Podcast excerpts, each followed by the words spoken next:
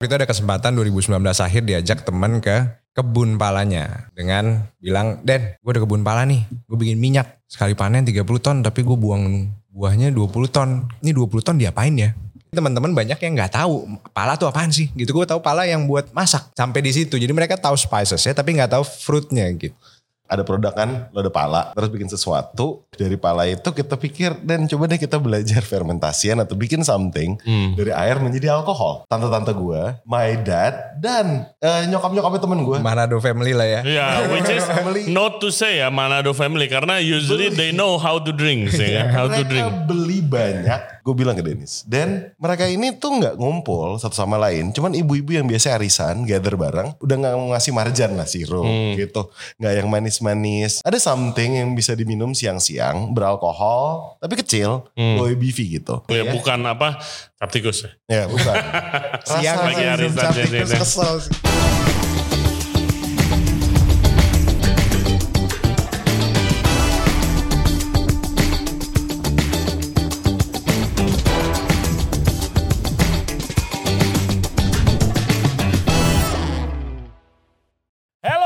Thank you very much for tuning into the show today. Kali ini kita akan ngebahas lagi tentang minuman fermentasi lokal Indonesia. Tamu kita kali ini Dennis dan juga Isak, mereka adalah co-founders dari Palapa Drinks dan produknya salah satunya adalah Palapa Nutmeg Liquor, minuman fermentasi dari buah pala. Nah, gue personally udah nggak konsum manisan pala atau sirup buah pala itu udah lama banget dan ternyata itu jadi problem buat banyak petani karena bijinya dibeli, fulinya atau maize-nya diambil, tapi buahnya dibuang. Nah, mereka ini bekerja sama dengan petani-petani untuk ngambil buy produknya dan diproses jadi minuman. Keren banget dan sekarang mereka sudah menjadi contoh minum bagi minuman-minuman yang brewer atau distiller di Indonesia karena mereka itu sukses ngebawa brandnya sampai kerjasama dengan pabrik besar untuk ngeproduksi minuman mereka. Bagaimana prosesnya? Berarti kalian harus nonton sampai podcast ini selesai. Seperti biasa, jangan lupa subscribe di Ray Jensen Radio Podcast di YouTube, Spotify, and all other podcast platform. Follow kita di Instagram dan di TikTok di Ray Jensen Radio. Oke, without further ado, please welcome Dennis dan juga Isak dari Palapa Drinks. Enjoy the show. Oke guys, we are back sekarang sama Dennis Yonasa dan juga Isak Newman. Dia adalah co-founders dari Palapa Nutmeg Liquor. Welcome to the show guys. Thank you Ray. Yeah. Thank you banget udah jauh-jauh dari Manado terus dari Bali gila ngumpul di sini. Oke, eh, Sak, please do the honor man. Oke. Kita cobain nih. Eh, nutmeg liquor ya, liquor Iya. dari eh, buah pala. I think this is the only one ya di Indo, Indonesia. Di in, or in the world. in the world. In the world. There's no nggak ada nutmeg belum, liquor lagi. belum ketemu lah. Oke. Belum ketemu. Eh? Sejauh ini sejauh Google juga belum ketemu. Oke, kalau ada guys, please komen di komen eh, comment section kasih tahu kita. Cheers guys. Cheers. Cheers. Wih, thank you. Hmm. Hey, refreshing. Oke. Palapa kan eh, salah satu dari banyak nih sekarang alkohol lokal yang lagi bermunculan. Ya kan mulai dari arak dan macam-macam dari berbagai daerah. Eh bagaimana bisa proses terjadinya ini dari pala? Karena dari semuanya kalian doang yang paling beda pakai pala. Berarti kita mundur kurang lebih ke 2020 ya. Iya. 2019, 2020. idenya. Banyak yang kayak apa? Kalau nggak ada pandemi nih, nggak bakalan ada nih kayaknya bener. brand-brand nih yang baru-baru nih. Benar. Semuanya dari peminum-peminum yang mungkin nggak punya duit, bar pada tutup, Oh, bikin betul, sendiri. betul. Setuju saya setuju. Perubahan lifestyle. ya. Iya. Yang Biasa keluar ini jadi ayam di rumah gitu kan. Iya, Gimana mulainya? Jadi gara-gara pandemi lah bisa Hmm. dibilang emang fact yang nyata. Waktu itu gue pribadi jadi shifted dari yang A jadi B gitu lah Hmm. ibaratnya. Mau nggak mau gitu. Cuman emang waktu itu ada kesempatan 2019 akhir diajak teman ke kebun palanya Oke. dengan bilang, Den, gue ada kebun pala nih, gue bikin minyak. Hmm. Sekali panen 30 ton, tapi gue buang buahnya 20 ton. Oke. Jadiin pupuk. Minyak pala. Dia awalnya bikin minyak pala. Oke, gue belum pernah dengar minyak pala. Buat listener mungkin, buat apa itu minyak essential pala? oil ya, orang bilang. Oke, bilang essential oil. oil pala. Oke. Itu industri farmasi, parfum, ekspor banyak kan. Oke, nggak banyak di dunia makanan berarti ya. Gua- Sebenarnya kita nemuin ada lah pasti di di makanan atau apa gitu. Minuman gitu Udah jadi macam. produk gitu. Iya. Bukan yang kayak nggak nggak yang gitu laku as a product itself sendiri. Gitu. ya, ya. Lebih Terus, ke B2B lah. Gitu. hmm, Akhirnya dia bilang ini 20 ton diapain ya? Setiap kali panen itu which is bisa setahun bisa minimal dua kali. karena dia cuma pakai bijinya. Biji dan fully. Fully itu maize. Fully maize. Maize, iya, ya. jadi kan pala taunya biji which is nutmeg. Ah, Dan fully. Fully itu gue Iya. juga baru tahu dari dari waktu research lu waktu Iya. mau Idea Fest kemarin nggak tahu namanya fully ya itu. Fully, bahasa bahasa, Indonesia. Indonesianya. Iya. Iya. Itu adalah maize apa bungkusan si bijinya tuh Merah-merah yang merah-merahnya. ada di baju. Nah, itunya ya kan. Cuma tahu itu buahnya tidak dipakai. Buahnya dipakai manisan pala. Manisan pala gue cuma tahu itu doang. Iya kan? Sirup Ada. pala karena kalah sama sirup markisa kayak Oke. amornya. Sebenarnya ada. Sampai sekarang belum pernah ada nyobain sirup, pala, ada. Hmm. Jadi ya gitu. Jadi produk-produk oleh-oleh kalau kita datang ke satu daerah, ibaratnya mereka bikin manisan, bikin sirup, bikin jam gitu Hmm. ada. Gitu. Cuman seberapa banyak generasi kita pada makanin manisan pala sih gitu. Nggak. Kalau nggak dibawain nyokap gitu, nggak di Atau meja ada nggak mungkin. gitu. Nggak mungkin kita ke nyari. Bogor Nggak beli tahu. manisan pala Iya. kan gitu. Pada Jadi nggak tahu. Hmm. Pada nggak tahu. Bener, waktu itu emang bener-bener gue pribadi juga inget kok rasa manisan pala tapi emang gak reguler makan gitu. Tapi teman-teman banyak yang nggak tahu pala tuh apaan sih gitu. Gue tahu pala yang buat masak gitu. Hmm. Sampai di situ. Jadi mereka tahu spices ya tapi nggak tahu fruitnya gitu. Rasanya kayak gimana sih pala Asam sepet nggak enak. fresh? Eh, Kecut. kecut. Kecut. Penjelasan yang bisa gue kasih itu. Biarpun sudah Kecut. matang. Walaupun sudah matang dia bergetah dan kalau misalnya kita jadiin dia liquid dia tuh bertekstur gitu. Ber, apa ber uh, Lendir. sandy. Bukan. Oh sandy. Apa namanya? Kayak pasir gitu. starch ya. Starchnya Oke. banyak iya. gitu. Starchnya banyak. Jadi minum tuh kayak waktu nyoba kalau dikunyah makan jadi manisan kan dia agak garing gitu enak Iya. kan. Tapi kalau misalkan diminum ya bener kayak asamnya bukan asam fruity. Kita suka asam fruity kan. Kalau ini Hmm. asam earthy gitu. Jadi pala itu mengandung starch juga berarti. Betul. Karena Banyak. obviously bisa difermentasi. bisa difermentasi Yes. terus habis itu emang juga secara tekstur dia emang agak berat gitu ya. Heeh. Kayak bukan liquid yang encer gitu Oke. begitu kita jus. Ya anyway tapi intinya rasanya unik lah. Jadi lu jadi lu ke main ke kebun temen lu, Gue lihat Iya. pohonnya temen lu cerita buahnya, dagingnya itu nggak kepake kebuang. Betul, karena Oke. di, di market tuh kalau nggak salah dia bilang waktu itu at the time 5000 per kilo Hmm. itu juga kembalian ibaratnya Hmm. hmm. karena nggak banyak yang mau By products. buy product Products. Iya. dari industri essential oil pala yang which is harganya satu koma gitu ya kalau Hmm. ekspor Oke. seratusan dolar gitu. Hmm. Jadi timpang banget lah. Gue bawa pulang 10 kilo 2019 akhir masukin kulkas, masukin freezer. Maret 2020 saatnya kita ketok palu jadi ayam di di Jakarta apalagi waktu itu kan. Keluarin deh tuh dari freezer. Coba deh bikin wine. Eh jadi. Kenapa punya ide bikin wine? Hmm, nggak ada. Emang udah dream apa gimana? Enggak. Hasil diskusi ruang tamu, Hmm. pandemi. Oke. Ternyata kebetulan gue sama Dennis tuh rumah kita nggak terlalu jauh ya. Hmm. Sekilo. Jadi gue ngerasa paling safe ya main ke tempat dia, dia ke gue. Nah, Ngobrol dan kita harus bikin sesuatu. eh ada produk kan, lo ada pala. Hmm. Kita harus bikin sesuatu untuk kita bertahan nih. ya. Plus kayaknya kita kalau di rumah diem-diem aja kayak gini, nggak ngerjain apa-apa sama sekali. Yeah, that's the worst part. Nih kita Stuck. gila nih, Heeh. ya kan? Jadi ya udah dari pala itu kita pikir dan coba deh kita belajar fermentasian atau bikin something Hmm. dari air menjadi alkohol Hmm. untuk konsumsi pribadi kita dan syukur-syukur kita seriusin Iya. Ya warga-warga sekitar. warga-warga sekitar. Pertama tuh teman-teman Hmm.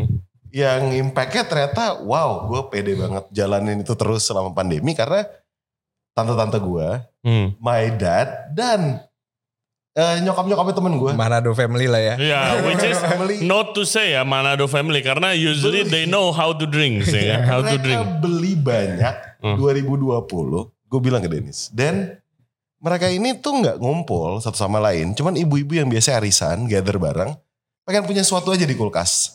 ya kan udah nggak mau ngasih marjan lah sirup Hmm. gitu nggak yang manis-manis Hmm. ada something yang bisa diminum siang-siang beralkohol tapi kecil Hmm. low ABV gitu tante-tante suka rasanya Oh ya, ya bukan apa eh cap tikus ya. bukan Siang lagi tikus jadi. kesel sih. ternyata rasa-rasa asam Hmm. di ibu-ibu tuh suka Hmm. karena memang awalnya juga gue tertarik sama Dennis bilang dan ini bakal jadi wine yang unik Ya. ini wine yang sour kita suka sour Hmm. gitu walaupun Dennis nanya terus ke gue kan besak menurut tuh rasanya rasanya kecut Hmm. penjelasan dari lidah gue palet gue cuma bisa menjelaskan ini asem Hmm. dan kecut aftertaste ya Dan sampai aromatik sih. aromatik Ya. sampai gue sempat ngomong ke Dennis dan gue nggak tahu kayak harusnya di semua buah ada sugar cuman kayak di sini nggak ada Hmm. akhirnya ditekuk-tekuk satu hari nih kayak sak ini ada sugarnya Gitu ya. Iya. 0, sekian 300 gram per liter. gue sempat pikir Eh, karena rasa liter aslinya ya earthy dan asam dan Kalau begitu kalau gulanya sedikit susah dong Kita, difermentasi waktu buat itu kita jadi. tambahin gula. Oke. Added sugar. Kita Hmm. masuk ke fruit wine kan jadi tekniknya fruit wine kita tambahin gula. Tapi emang waktu itu kebetulan di first batch yang pertama super dry itu 18% full Hmm. fermentation nggak kita port style gitu enggak. Hmm.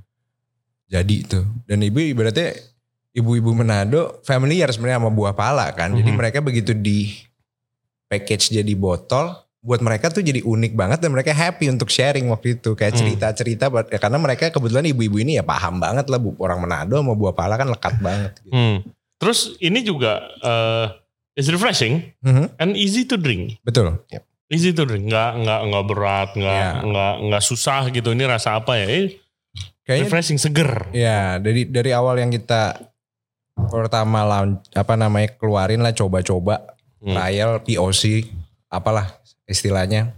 Itu yang kita nyadar sih. Ternyata gue pribadi gue nggak pengen bikin minuman yang terlalu bikin Mabuk banget. Heeh, Iya. karena during that time Netflix kita kerjanya nonton orang kan pada nonton Iya. Netflix sampai habis Iya. kayak semua ditonton Di rumah mau Iya. mabok juga mau, ngapain? mau minum Iya, gin benar, 40% mau ngapain lu Iya. nggak keluar juga lu mau minum whisky paling lu gelas dua gelas udahlah gitu Hmm. nggak mungkin sampai black gitu kan Betul, betul. jadi emang nyadar perubahan lifestyle manusianya seperti apa minumannya menyesuaikan ternyata pala during the pandemi cocok banget emang Hmm. Natural antidepresannya kan tetap ada gitu walaupun gue pakai buah pala tapi Natural antidepresan. natural Yeah, antidepresan That's interesting. jadi ibaratnya ngantuk ngantuk jadi bu yang misalkan minumnya banyak ngantuk lah tidur tidurnya Hmm. enak banget tidur lu akan pules banget Hey guys, kalau kalian suka konten seperti ini, jangan lupa like the video dan juga subscribe ke channel kita, Ray Jensen Radio Podcast. Back to the show. Hmm, jangan disalahgunakan ya guys. enggak nah kebetulan Buat pendengar, buat Iya. pendengar. betul kebetulan kita dari buah pala Hmm. jadi itu sangat controllable gitu Hmm. Karena kan buah pala kali eh, apa orang-orangnya juga makan buah pala Buah kan pala. tapi orang yang makan buah apa manisan pala pasti nyadar kok abis itu sebenarnya nguap-nguap ngantuk-ngantuk Oke, never know that ya kapan terakhir gue makan Oh. manisan pala. Oke, terus ya gue ingat gue dapat kiriman, gue nggak tahu itu batch keberapa tuh, ya kan untuk nyoba-nyobain, which is really nice, interesting, dan eh, pada saat itu ya emang dari circle kita bukan cuma lu doang, karena ada beberapa orang yang mulai main fermentasi fermentasi Banyak. karena nggak ada kerjaan. Nggak ada kerjaan. Heeh, banyak Terus- tuh Looking back, what makes the product dan the brand itu bisa successful sampai sekarang bahkan bisa kerjasama sama brand besar. Kalau dari situ tuh sebenarnya nggak lama dari first trial kita. Kita jalan, habis itu ada satu teman, Hmm. Den seriusin yuk.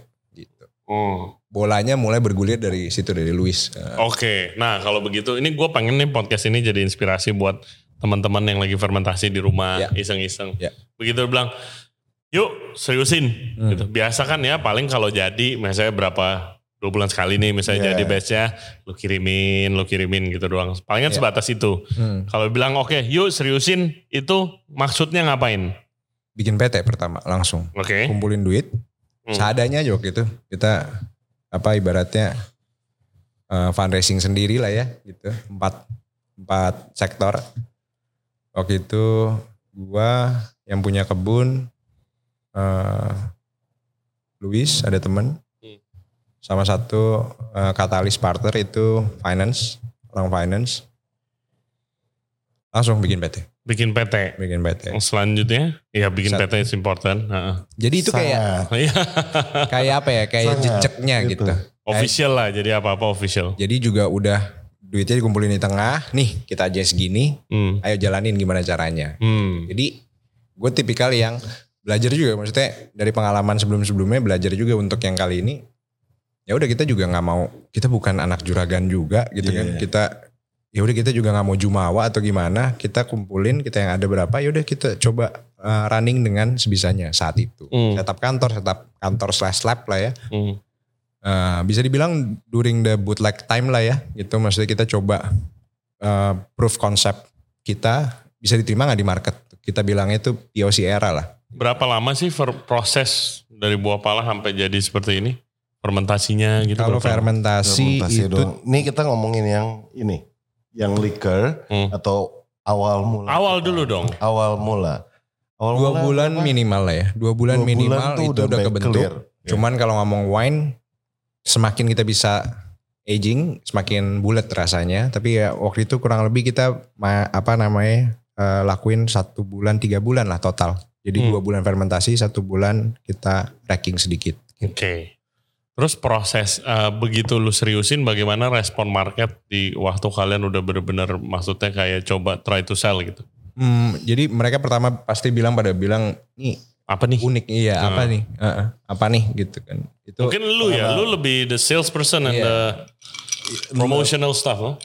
no, because people remember this product. Hmm. I created this product at pandemic aja. Hmm. Apa sih yang Isak lakuin? Iya. Ray, kita ada di satu circle yang sama. Iya. Apa yang Isak lakuin pas pandemi gitu? Bikin wine. Hmm. bikin wine pala. Wah apa-apaan lagi nih anak bikin Iya. wine pala. Aneh ya. Aneh. Tapi ya balik lagi Ray. Kayak sempet kita bicarakan juga. Pada saat diseriusin itu menjadi titik terang buat gue juga. Eh, bilang juga ke Dennis, oke berarti semenjak udah dijejak ada PT. Brand ini sendiri bukan tergantung hanya dengan wine. Tapi kita bisa explore lebih tentang pala. Hmm. Ya gitu bisa ke mana-mana lah arahnya. Hmm.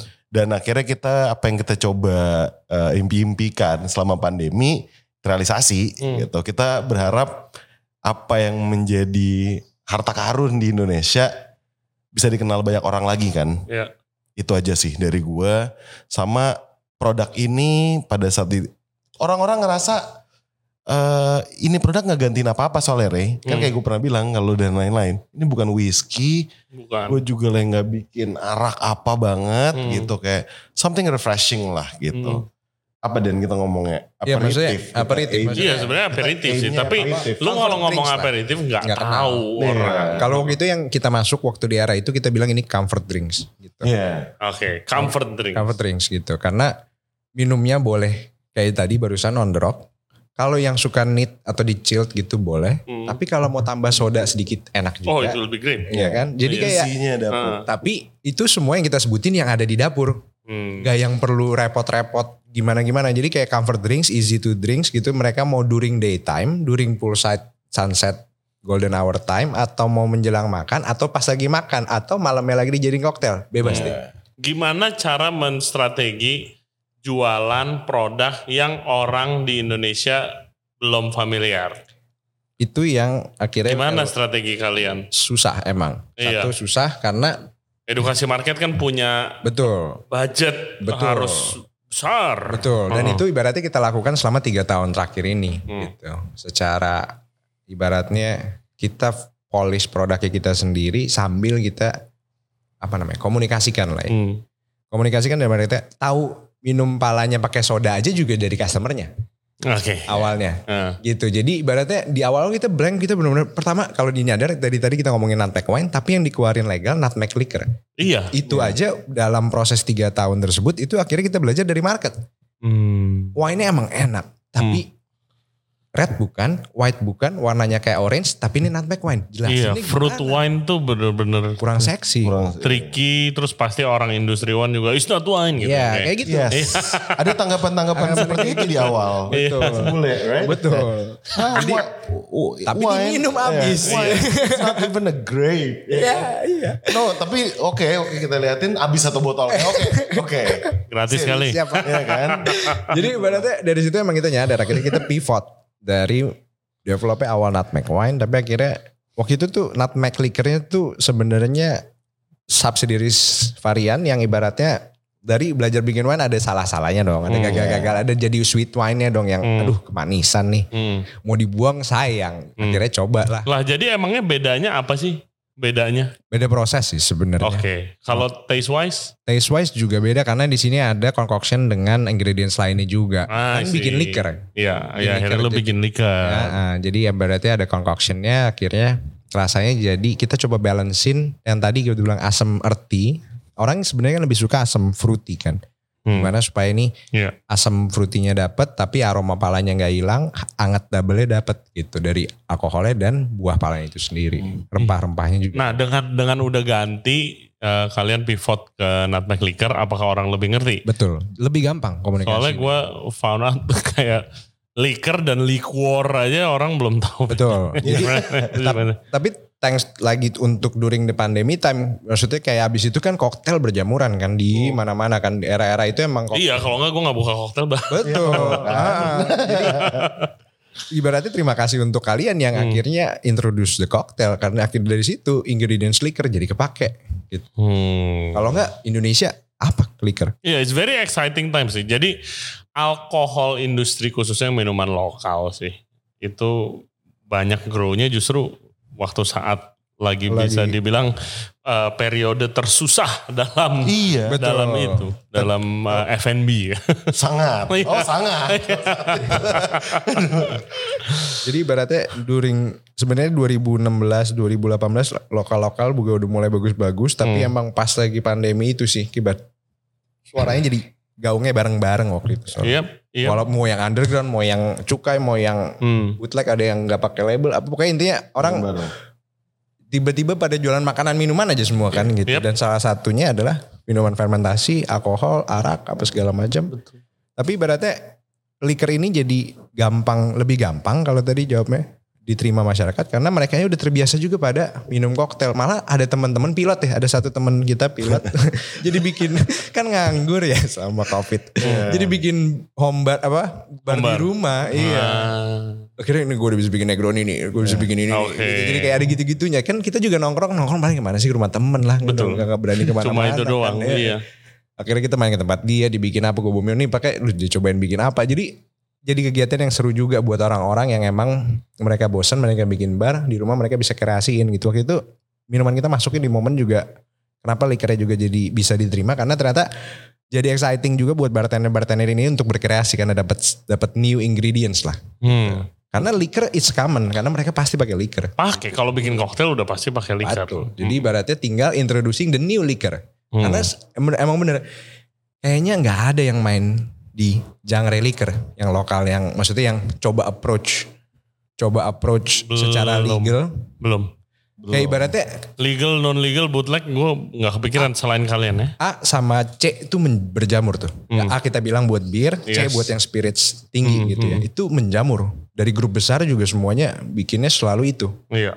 Ya kan mainnya semua yang battle di speed track gitu. Hmm, tapi yang B belum. Yang B, B. sedikit banget yang gue tahu inget Balimun itu Oh Dari years zaman- ago. itu Zaman dulu. Zaman dulu banget Old school. Sampai sekarang masih ada loh. Iya. Masih ada. Tapi ibaratnya itu doang gitu. Maksudnya Hmm. jadi pergerakan di liquor tuh emang gue nyadar ada gap nih market. Marketnya ada tapi didominasi hampir sem- 100% tuh dari barang import. Iya.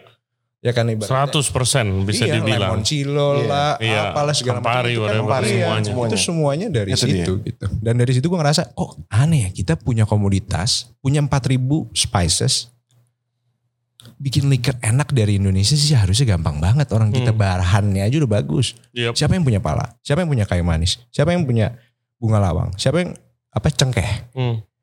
Bayangin Nah, ya. rokok lakuin itu mereka menghargai mengapresiasi spicesnya dari bikin jadi rokok tapi untuk bikin liquor kenapa kenapa nggak pakai gitu itu yang gue nyadar waktu diajak jalan-jalan tuh akhirnya gue nyadar Bener juga ya. "Heeh, maksudnya kita punya senjatanya loh Hmm. 4000 jenis yang kita bisa akses di Tiara Gatsu atau di supermarket gitu paling berapa sih 20-30 spices tapi Hmm. sebenarnya di di jalanan di hutannya sendiri banyak banget gitu Iya. Yang kita nggak tahu namanya soalnya begitu datang ke Jawa beda Nama daerah. Nama ke Melaku be, Nama daerah apa beda. Maluku beda Contoh apa? Bali Contoh. Lu ada cerita gitu? pala Oke. Pala di Bali, gue ini lucu banget. Pertama kali landing Bali waktu itu tahun waktu lagi mau meeting sama salah satu pabrik, Gue tanya Perusda dong. Pak, perus- perusahaan daerah gitu. Hmm. Pala di mana sih? Di Bali. Pasti ada nggak mungkin nggak ada lah gitu. Oh situ tuh paling di mana? Jemberana negara, dibilangnya negara waktu itu. Terus jalan-jalan jalan. Terus tanya lagi orang lokal. Pak, pala di mana? Oh itu ada di Sange. Hmm. Terus gue ke Sange yang dekat kan nih. Sange, mana pala pak? Itu pala, alas pala. Jadi di Sange ada pohon gede banget, lim, berapa 50 meter kali 60. Alas Tapi pala. namanya alas pala.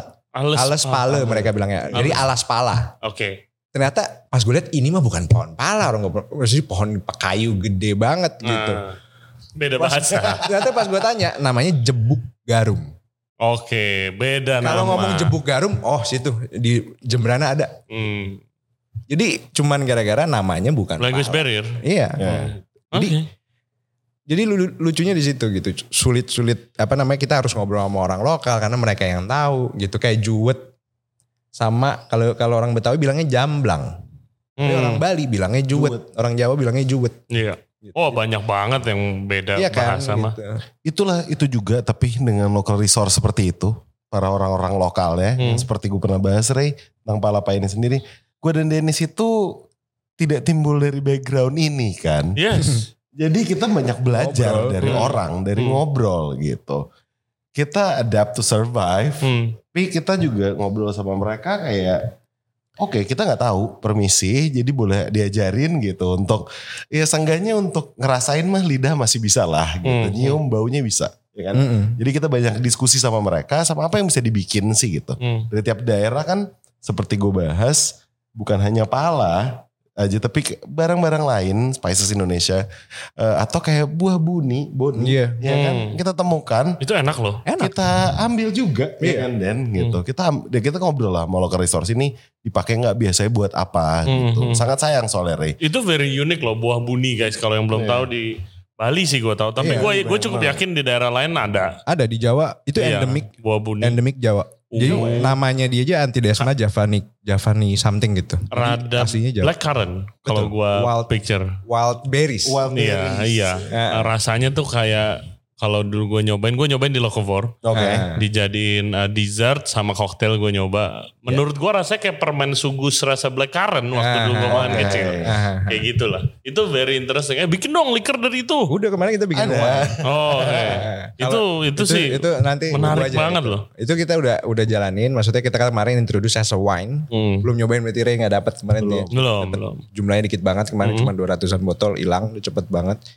Enak sih. Dia benar jadi dia kayak black currant, warnanya juga seksi. Hmm. Sepet tenin teninnya juga dapet Nah, gitu. Jadi itu waktu itu, nah itu tuh Bonnie wine itu, bule sampai bingung.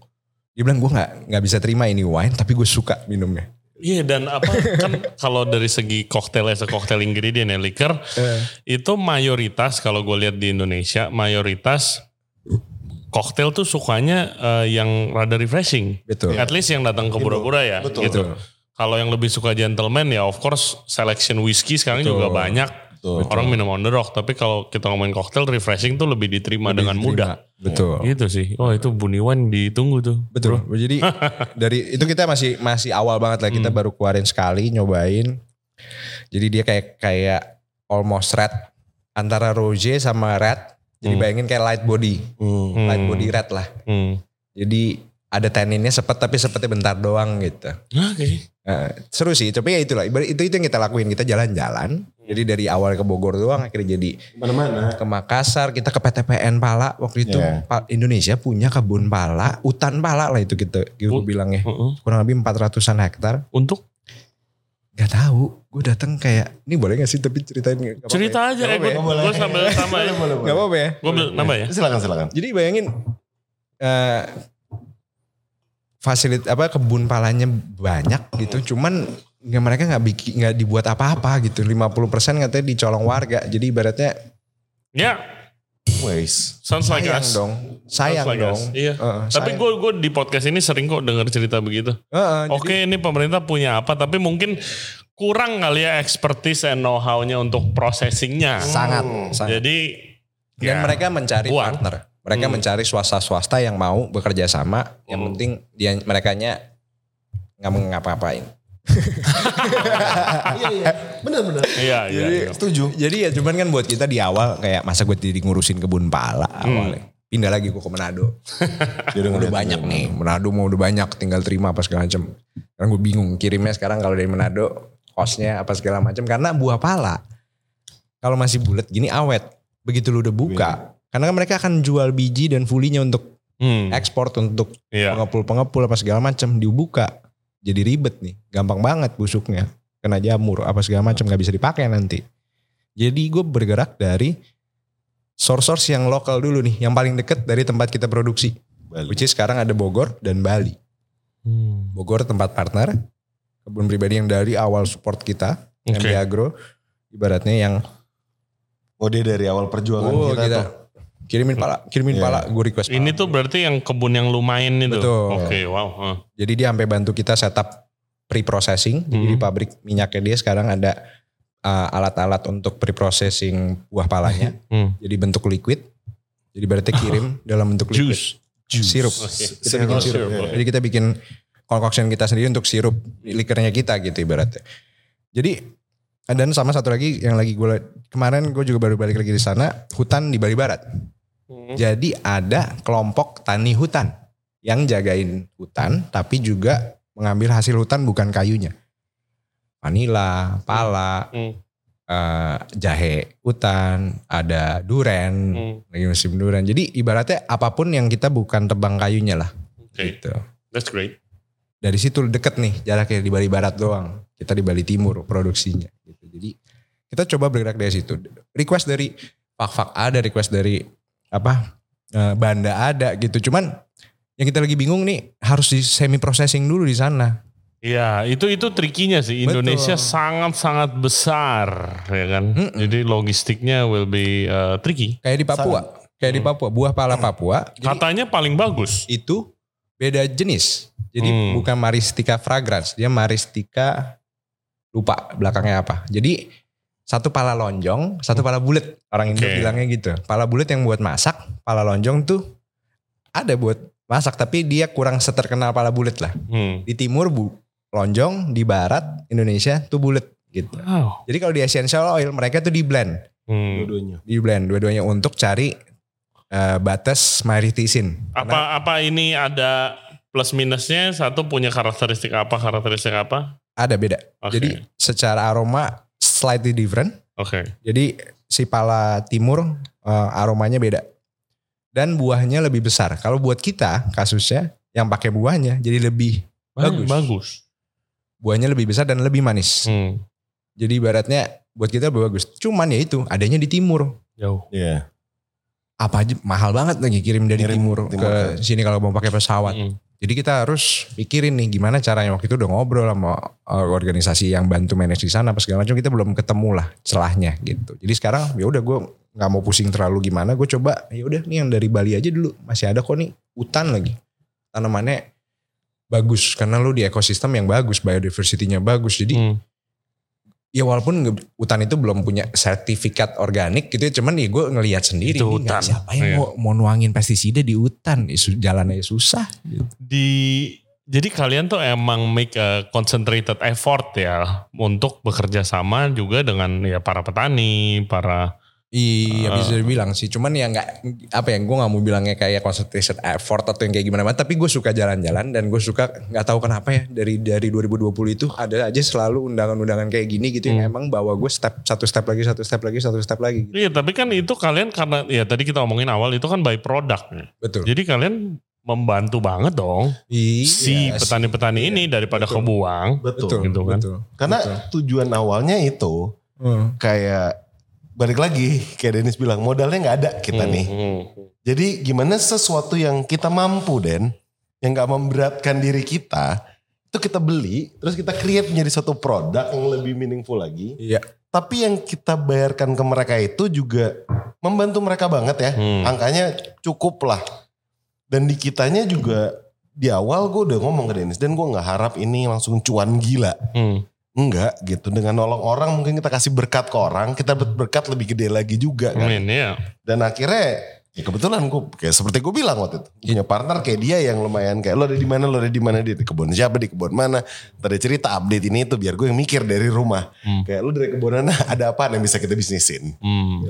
Ya cuan mah harus lah, cuman ka- kalia- kaliannya jangan tamak-tamak amat gitu. Iya, Maksudnya iya. kayak Ini harus ris- harus apa ya namanya? responsible juga lah. Iya. gitu. Karena emang paling berat ngurusin di hulunya. nah Pasti sih. Bikin emang bener. gampang. Ngomongin, Ngomongin bahan bahan. konsistensi and everything ya. Pohonnya baru mulai buah 8 tahun. Hmm. Iya. Jadi lu harus jagain dulu tuh ngurusin anak lo 8 tahun baru dia mulai berbuah. Dan baru berbuah paling berapa kilo sih gitu. Berarti jadi berat lah. Karena gue lihat sendiri di hutan ya maksudnya jalanannya juga bukan yang jalanan gampang kayak perkebunan yang udah gampang itu nggak kayak Enggak. gitu juga gitu. Jadi ya dan emang bener pas jalan-jalan jalan-jalan akhirnya kesimpulannya satu nggak ada yang pakai buah pala Hmm. Di Indonesia gitu. It helps a lot sih banyak kayak eh, plus pointnya gue rasa itu eh, what you guys doing. Contoh gue pernah diceritain sama Raka dia head bar Locavor tuh. oke Gue yakin dia suka produk kalian kan. Ya kita Eh gue diceritain soal buah buni itu Hmm. karena abis gue minum koktail itu gue nanya ini apa kan lu bilang nggak bisa pakai import kan di Locavor kan 100% lokal. Lokal. Iya. eh kan nggak punya blueberry kita gitu kan nggak punya blackcurrant oh ini buah buni dia bilang Iya. gitu. Oke terus dia cerita di mana kayak biasanya pohon buni tuh adanya di hutan pinggir jalan atau di rumah-rumah warga. Dengan dia ngambil buah buninya itu jadi pohonnya dijagain nggak ditebang. Ditebang. karena jadi penghasilan buat mereka. Itu juga works same level I think sedikit banyak sama pohon pala ini kan buah buni itu banyak tuh di bantaran sawah juga gitu. Hmm. Jadi misalkan sawah kan panas, tapi ada pondokan, pondokannya pohon buni gitu. Iya. Ada kayak gitu. Jadi emang benar pohon warga lah. Kita carinya Pohon juga sama sama warga. sama Raka kontek-kontekan sama Raka, Raka buni udah keluar belum gitu. Maksudnya Oh, jadi kalau musim-musim musim-musim Februari Maret tuh pasti kayak bu- dapet, dapet buni gak dapet buni gak gitu. Iya. Jadi I kayak- heard di, di, di Bali ada leci juga sampai ada leci lokal tuh sebenarnya Banyuwangi lah. Dan buah-buahan yang aneh-aneh keluar buah naga kuning lah apa segala Iya. itu sebenarnya Oh, iya itu. Banyuwangi. Ya. Jadi gila sih leci lokal gue pengen Kalau kalau di Bali yang gue nyadar buni itu dipakai mereka kan common buat rujak. hmm. Jadi setiap Februari Maret di Bali di pinggiran jalan pasti banyak rujak boni, rujak boni gitu. Apakah plan kalian nextnya mau bikin coba bikin apa wine atau uh, liquor dari buah-buah yang kurang familiar orang-orang nih? Udah apa jadi identiti kalian sekarang? Iya bener. Emang Kalau- secara nggak iya. langsung akhirnya jadi kayak kita gitu ya. iya jadinya Heeh. kayak gitu semenjak itulah tadi yang Nah, Dari seriusin nih iya, jadi ya udah ini not about nutmeg only iya. Indonesia is full of spices Iya. ya semua itu deh Den yang bisa jadi- yang orang nggak terlalu tahu sama yang kita common juga sama rasanya gitu Hmm. Yang emang di pipeline kita ya satu ini kita akan launching di Q1 tahun depan. Nutmeg liquor beres nih, pecah telur pertama. Tapi emang di pipeline berikutnya coconut liquor. Oke, Eh. nice. Habis itu kita masuk ke boni. Tapi boninya lagi nanti dulu gue pribadi lagi mempertimbangkan lagi-lagi kalau gue presentnya as a wine nih orang ngomong udah minum cuman eh, on the greater scale ini bisa nggak educate ini jadi boni wine gitu kan Hmm. nggak nggak sulit lah itu paradigma yang udah kebentuk Boni aja orang belum tahu. betul jadi itulah Iya. Buni aja tuh ah, belum. cuman ya gue coba lagi iterasi kira-kira jadi produk apa yang kita bisa Hmm. bisa bikin juga ya gitu Paling enggak kan ini orang seenggaknya udah tahu pala. Betul. Gitu kan. Kalau Boni mungkin lebih ribet lagi. lebih ribet lagi gitu Gue dulu pernah nyoba buah ya Aceh sih, buah kawista lu pernah nyoba Kawista, gak? I think it will iya. be great for this type of ya drinks. kawis tuh gue udah nyoba Maksudnya itunya rasa lu pernah nyoba? Sa? Kawista. Jadi belum belum bahasa Inggrisnya wood apple, guys, lu Google keras. Wah bukanya setengah mati gue banting di tanah pakai biasanya orang pakai cobek gitu dipukulin eh, anak cobeknya keras banget tapi buahnya tuh kayak custard tapi berserat.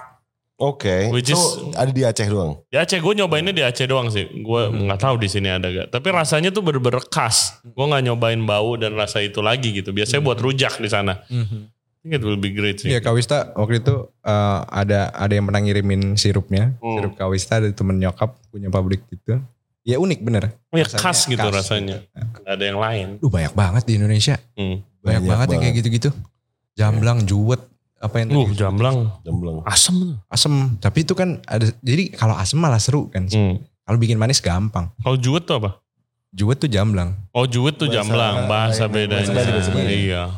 Hmm. Terus Gua- ada ada lagi kok buah menteng lah buah. Iya. Yang gue lagi Menteng Kemang ternyata nama buah guys. Bukan nama jalan.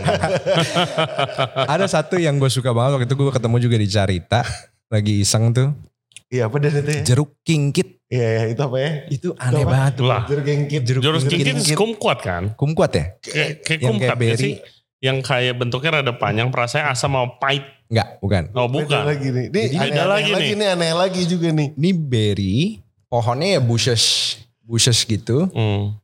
Dimakan kayak lu somehow ada kayak rasa obat batuknya gitu, licorice. Eh, Eh, kayak mi- OBH, kayak Jagger. kayak Jagger. Kayak Jagger. kayak Jagger. Bisa jadi ingredients Jagger, Jagger lah. Jagger. Jager-jageran lokal. ya. Jadi eh, tapi mau orang lokal kalau lahir lagi nggak enak Minum itu. makan itu. Namanya apa?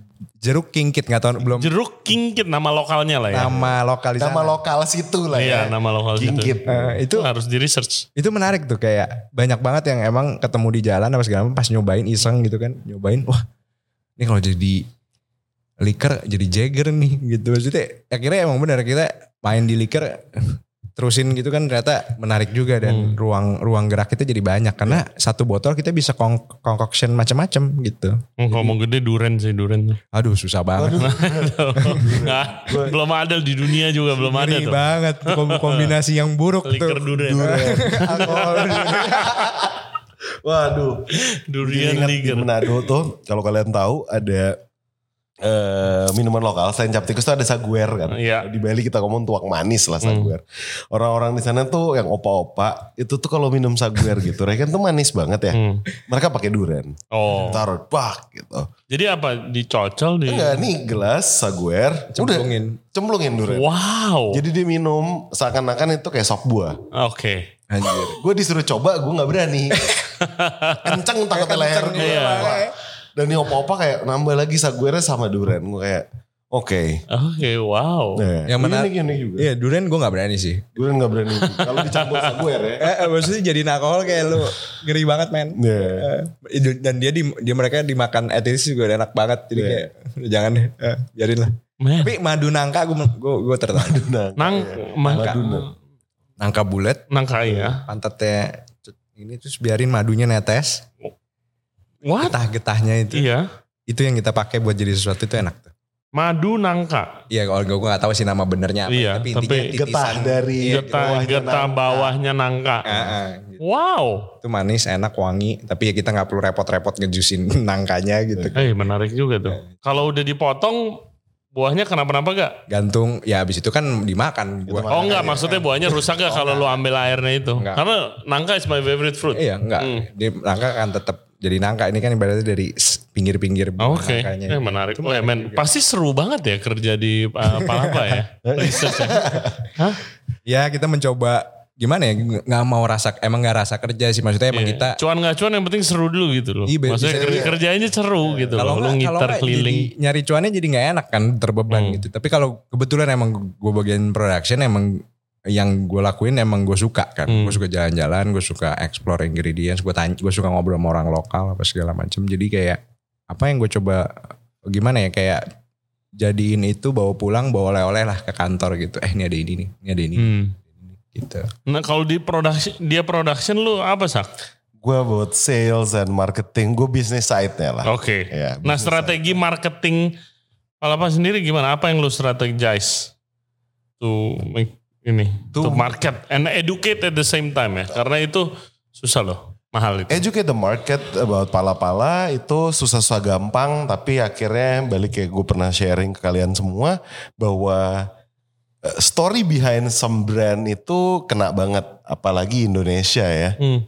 Jadi dengan menjelaskan seperti yang gue pernah jelaskan ke lu Ray. Dulu lu mau nikahin anak orang lu ngasih satu kantong plastik pala lu bisa nikahin anak orang. Hmm. Atau seberapa harga pala aja itu zaman dulu bisa dipakai barter untuk Iya. sesuatu yang lebih besar dari yang lu tuker itu sesuatu gitu dan balik lagi kayak gue bilang kan or- orang-orang tuh suka lah story behind every Hmm. brand gitu kita bener-bener dijajah sama bangsa Portugis gara-gara ini barang Iya. gitu Gara-gara pala. jadi orang-orang juga unik lah sekarang dan balik lagi kayak gue bilang gue sama Dennis tidak aim untuk menggantikan produk apa-apa ya Mm-mm. jadi gue nggak datang ke satu tempat nggak ini jin ini apa ini enggak gue nggak bilang itu gitu Uh, that's what I've been uh, saying ke kalian semua bahwa ya udah pala ini adalah lokal aperitif Hmm. yang kita coba bikin yang bisa diminum oleh siapa saja Karena awal mulanya kita bikin ini aimnya untuk umuran kita enggak. Iya. kenanya ke om dan tante tante awal mulanya. Dan malah bisa gue bilang itu adalah ada yang ada yang ini nyokapnya eh tolong dong itu belanjain mama nggak ngerti mau mau dong. Jadi Iya. emaknya tahu duluan dibanding anak. Anaknya. Ada cerita-cerita kayak gitu. Jadi gue kayak saat itu menurut gue kayak oh dan ini udah menyimpang dari target market yang kita tuju saat Yes. itu Eh tapi kan market yang menentukan. Betul. You never know. Betul. Iya. Jadi pas udah ibu-ibu gue kayak oke kayaknya kalau misal diseriusin yang umuran kita makin tahu dari ibu-ibunya kejual juga. Iya, gitu. it's a really plus point ya kan. And dari gue pribadi that's why uh, we move Palapa to Bali for good. Hmm, Because as you know di Jakarta akan lebih susah betul. barang-barang seperti ini juga Ray ya kan. Pro konse banyak lah ya di Jakarta. Jadi lebih better di Bali. Puji Tuhan semenjak kita pindahin ke Bali Dennis dapat jalannya mulai kebuka-buka ya Den ya. Kita mulai gather tim lebih Dan- banyak. dan Di sana. banyak expat yang juga bantu Yes. bantu jadi customer yang kadang-kadang mereka jauh lebih bisa mengekspresikan apa yang dia rasain waktu minum gitu Betul, karena mereka udah pernah nyobain yang lain-lain juga. betul paletnya mungkin jauh lebih luas dari situ komunikasi eh, direct ke mereka dan ke bartender-bartender itu marketing yang pertama kita lakuin sih dari tiga tahun lalu. Oke. Lalu. Jadi ibaratnya customer atau bartender, jadi kita, menurut gue sama aja lah dua-duanya. Ke customer juga mereka enjoy-nya macam-macam. Ke bartender apalagi mereka Iya. dapat ingredients Demen baru, pasti, iya. Bahan Bisa- main lah. bisa jadi signature cocktailnya dia. Itu yang jadi kita aim pertama sih. Kan lo-nya eh, itu kan lu tidak boleh produksi langsung pabrik skala besar. Betul, Lu harus nyari partner sama orang yang sudah punya izin. betul, Ya kan terus kalian partneran kan? betul. Yes. Itu prosesnya bagaimana sih? Ini Eh, buat yang dengerin yang lagi di masa Ingat- stage yang kalian nih lagi dream mereka nih mungkin yang Oke. lagi Ya, dengerin kan. Kita nanti lanjut berarti ini dari 2020 Maret waktu itu kalau Agustus kita bikin PT terus kita setup eh, apa lab kantor buat jalanin. Ya. Tahun depannya inget waktu itu ada Jokowi buka tiga apa eh, izin investasi pabrik untuk minuman alkohol 8 hari bro. di 8 hari. 8 hari waktu 8 hari Ya. apa 4 hari itu. gitu? 4 hari doang kok. Iya, Singkat langsung banget. Itu begitu dibuka. selesai. Kita itu waktu dibuka gue langsung terbang ke Bali tuh langsung mau ketemu gue ketemu Perusda yang tadi terus ketemu pabrik waktu itu ada salah satu pabrik eh, bir dan wine juga kita diskusi apa segala macem pulang pas pulang ditutup lagi itu yang gue bilang hebat. Tapi effortnya dia Iya, suka iya. itu kayak, Go go go go. Gila harus cepet. cepet ya. Tapi Iya. Damn. ya, dia ditutup men. jadi berarti Perusda ceritanya mau nyari lokasi kalau kita bikin pabrik di mana Hmm. tapi second option sih ya kita meeting sama satu winery Iya. itu agendanya Hmm. tapi emang kandas lah waktu itu Hmm. satu negosiasinya nggak masuk yang satu secara low nggak jadi gitu ditarik lagi tuh kesel banget kayak Ya. walaupun di momen itu juga kita belum punya duitnya sih Iya. cuman cuman kayak ya udah imanin aja dulu lah Iya. gerak aja dulu gitu ibaratnya kata dari situ network mulai kebuka Ya. momen itu tiba-tiba network ada undangan lah. Jadi nggak cuma satu pabrik, ibaratnya dari situ dari ke Jakarta, akhirnya balik lagi ke sana, akhirnya ketemu lagi pabrik. Ada yang ketemu pabrik Bali tapi ketemu di Jakarta. Jadi Hmm. meeting-meeting mulu tuh era itu. Oke. Kita cari network yang emang mau support karena bisa dibilang buat brand-brand kayak kita yang baru kita bisa produksi berapa banyak sih? Hmm. Hmm, karena kan nih ngomongin alkohol segala macem bayar dan bayarnya lumayan ya, taxnya lumayan gitu, semuanya botolnya lumayan. Gitu. Ibaratnya bisa dibilang tuh ingredientsnya malah ya jadi Yang malah paling murah.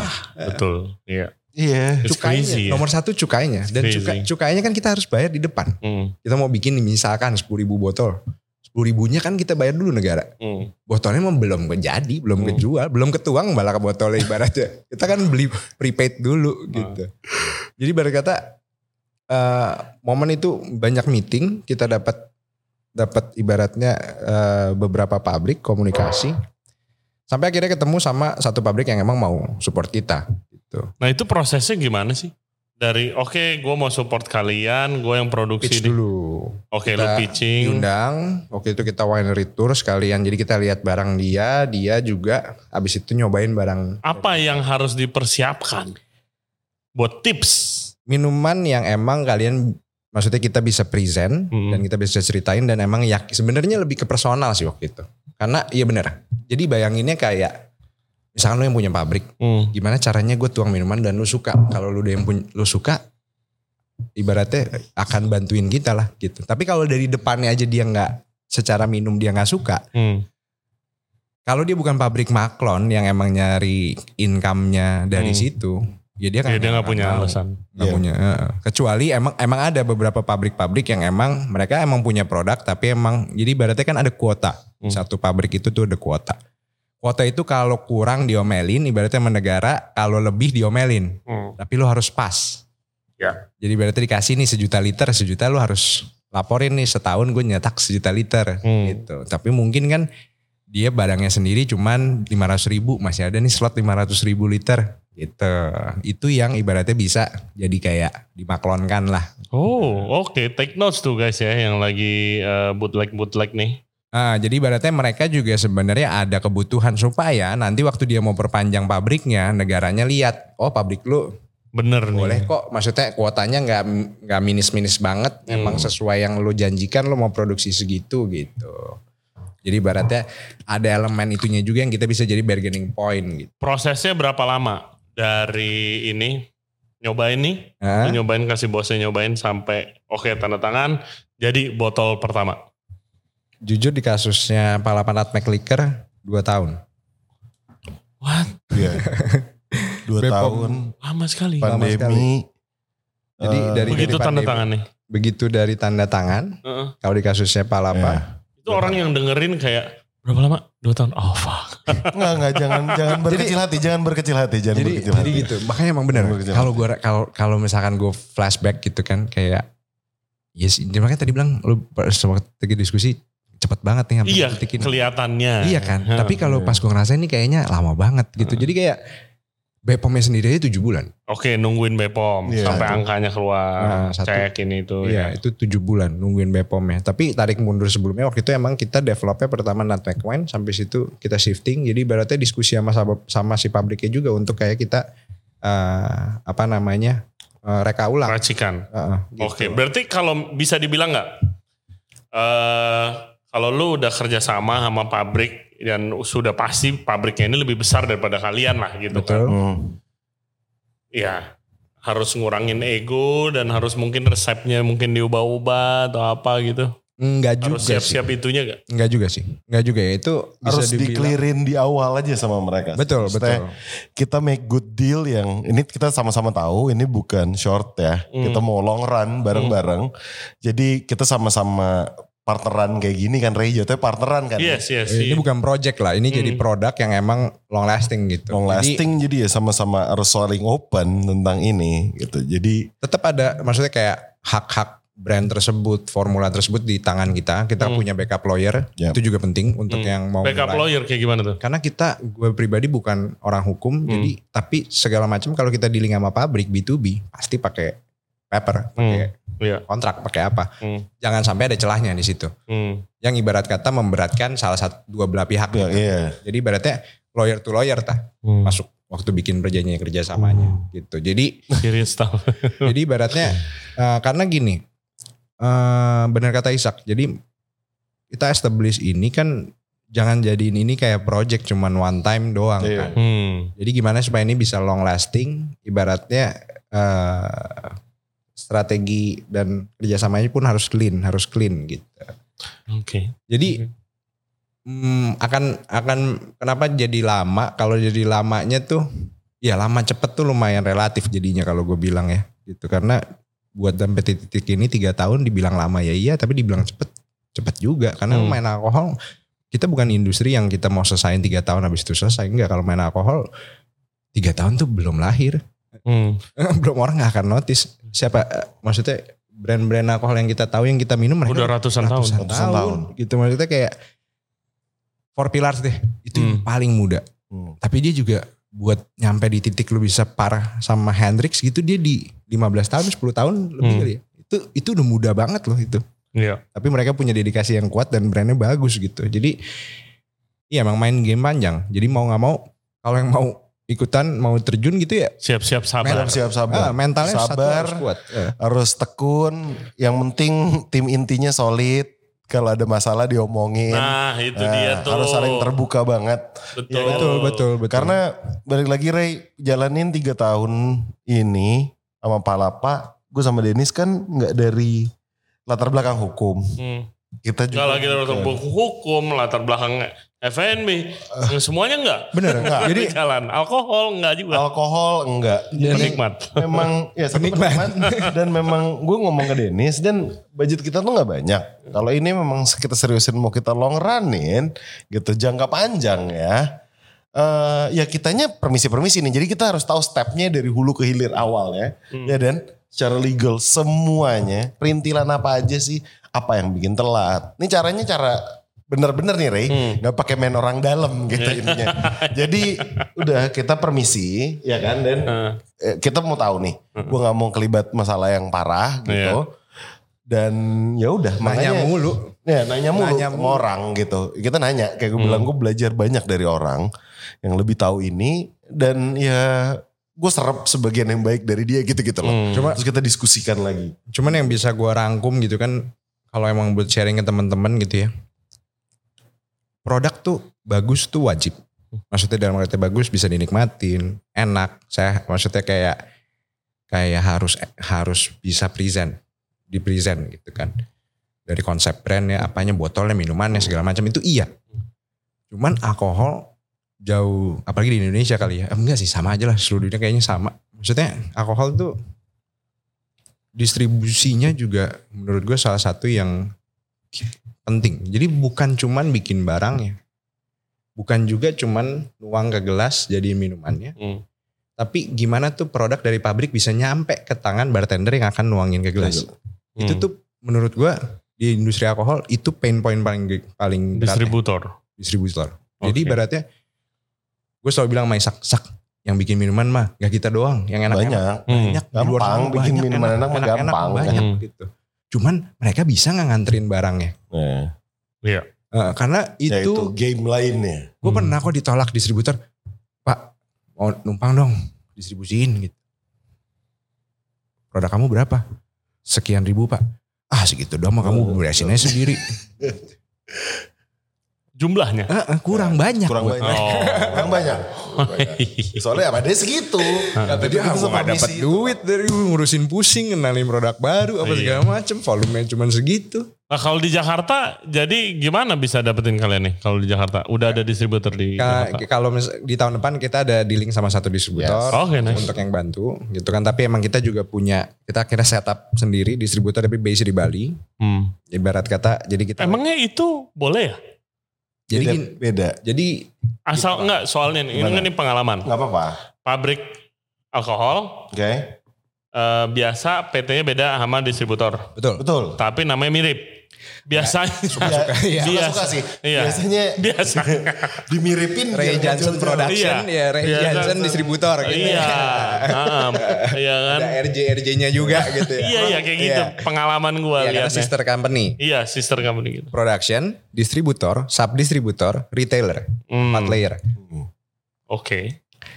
pabrik cuman ke distributor Heeh. yang ditunjuk oleh si pabrik Hmm. distributor cuma bisa jual nggak boleh ke tangan user langsung harus tangan sub distributor Habis. atau retailer besar Ah, sub distributor nih gue Sub- belum belum pernah nah tahu. sub distributor tuh ya gue juga bingung sih kenapa Ada. Ada. Ada. Subdis. Ah, ah. jadi Hmm. ibaratnya untuk menjangkau daerah yang mereka cakupannya nggak bisa jadi distributor tapi mereka untuk jualan retail di kotanya bisa misalkan Manado atau apa atau pokoknya daerah daerah yang emang mungkin cuman segelintir yang bisa Kecil, pegang tapi barang ya. tapi Oke, marketnya oke gitu, Ah, tapi kecil tapi skalanya. kecil. Betul. Jadi Oke. ibaratnya dia nggak bisa terima barang langsung dari pabrik.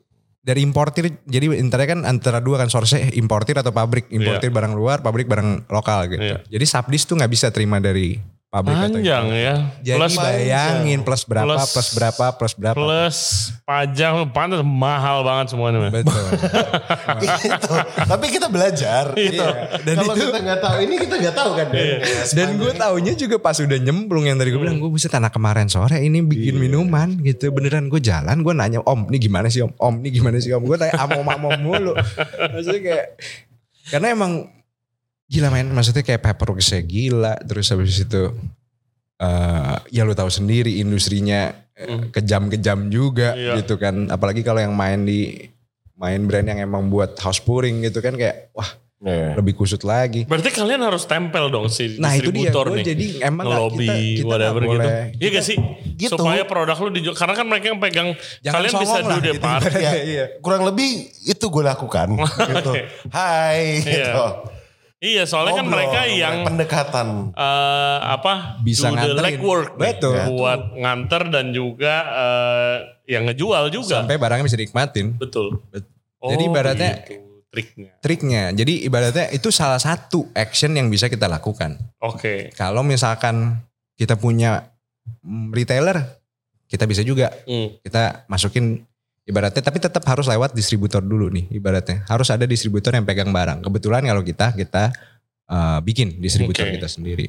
Nah pertanyaan gua, kalau misalnya suka eh, bar atau bartender bikin event suka ada support misalnya, terus Betul. ada program kalau bir itu ada oke beli tiga case dapat satu Ya, case buat promo awal-awal gitu. Itu yang lakukan kalian apa sih distributor sih? Kita. Dis- distrib ya kita sebagai Kita. distributor. Kita yang sebagai karena kita distributornya juga jadi Enggak, kita. enggak. Misalnya, Oh, di misalnya distributornya bukan punya kalian. Itu kalian tuh. Kalian harus info ke distributor. Eh, gua ada program 2 plus 1 ya gitu. Betul dari prinsipal dulu, Hmm. jemput dari prinsipal, prinsipal bilang ke distributor ada program 12 plus 1, 12 plus 2 gitu. Jadi ibaratnya itu di- turunnya dari prinsipal, tapi kadang-kadang distributornya sendiri mereka punya budget sendiri untuk ngelakuin promosi yang di luar prinsipal. Oke. Tapi standar prinsipal pasti dilakukan. Iya, tapi udah deal-dealan dulu nih. Jangan Betul. sampai di bawah ini. Jangan Betul, oke, gitu. harganya. Oh. Tergantung kliennya juga. Kalau kliennya yang emang mereka ngeri-ngeri banget kok, maksudnya kayak volumenya besar banget gitu ya, Hmm. mereka pasti dikasih apresiasi ke klien apa outletnya lebih atau apa kayak gitu-gitu. Oh, banyak ya yang harus dipelajarin ya. Betul, Kalau jadi mau kayak- secara bener-bener kayak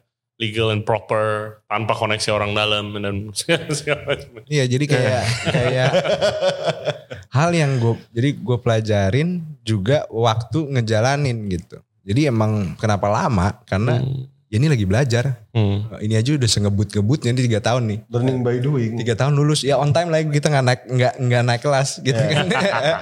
Iya iya. Well, gila menarik banget. Eh to close mungkin. eh Palapa, what's the biggest plan? With the biggest plan dari kalian? Dari gue dulu Den. Ya. Ah, Dari lo, dari gue. Dulu dulu lah. Dari gue oke. The wildest dream of Palapa itu Palapa, itu Palapala drinks itu sampai di luar Indonesia. hmm. Karena cerita awal mulanya gue juga ngikut dan gue seriusin banget ini pandemi 2021 gue ke Bali ketemu bule-bule Eropa. Mereka ngelihat produk yang gue bawa, untuk siapa nih anak bawa botol gitu. Mereka coba so it's a nutmeg gitu. They laugh at it. Mereka Hmm. ketawain. Hmm. Mereka ini part dari sejarah mereka. Dan aim gue adalah eh, dulu kalian di Eropa datang ke negara kita ambil ini Hmm. barang. Iya. Belum jadi air. Hmm. Harapan terbesar dari Palapa sendiri adalah ya barang ini sekarang balik udah jadi air. Iya. Kalian mabuk gue minum ini. Itu cita-cita gue banget. Yes. Pokoknya gue bilang dan gue gak akan berhenti sama Palapa. Walaupun sepelan apa pun kita permisi dan punten-punten ke orang-orang.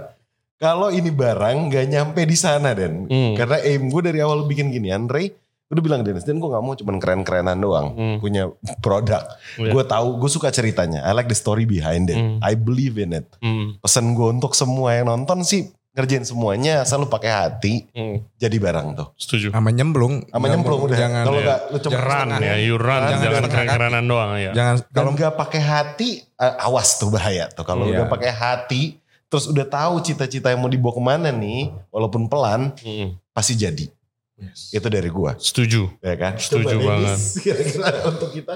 Setuju banget. Harus punya orang di company kayak lu cuy yang Nah. ngiter-ngiter dan research. Iya nggak boleh nggak boleh nggak boleh setengah kaki sih kalau Hmm. emang mau running gitu ya. Maksudnya namanya juga running kalau setengah kaki mah Hmm. apa namanya? Jadi kalau gua ngimpinya apa ya?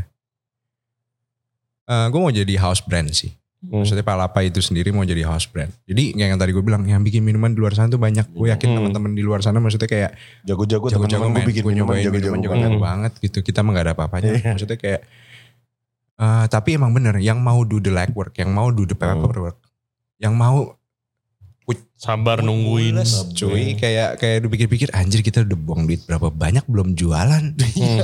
tiga tahun ya kan kayak mules dong gitu Nah. kan jadi harus siap mentalnya siap maksudnya siap waktunya Hmm. ya kan Waktu. Iya.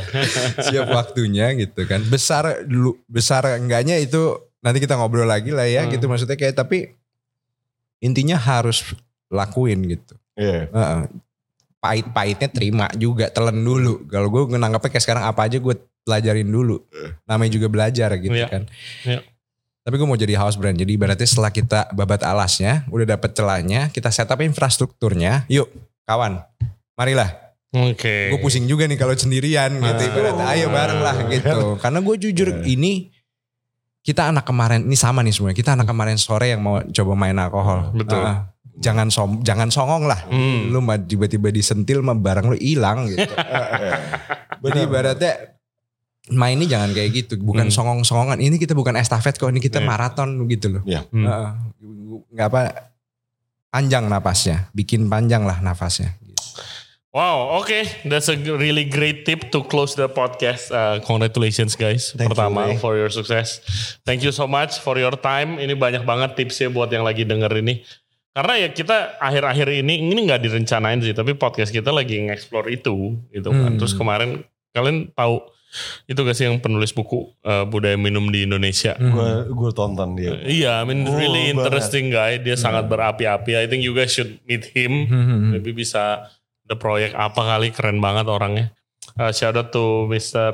apa Raymond. Hmm. Uh, bukunya keren dan uh, kalau mimpinya keluar negeri, I think is very achievable sih. Karena pertama nggak ada lagi yang bikin ini kan. Terus habis itu drinks is good. Zaman dulu aja ya uh, mereka sampai ke sini loh buat si pala ini gitu si rempah kita, Iya. which is sampai sekarang masih ada. eh namanya Batavia Arak ya di Belanda. Iya. Ya Iya. kan? Masih ada sampai Masih sekarang ada. berarti itu bukti kalau marketnya ada dong. Betul. Ada. Kalau enggak dari zaman dulu kok dia masih bisa bisa bertahan, right? Betul. Dan dan bocoran sedikit emang kita sebenarnya udah lakuin tour itu di tahun lalu Hmm. gitu kan. Kayak kita ke US, ke kita ke New York, ke Belanda, sama ke Australia Hmm. untuk POC trial.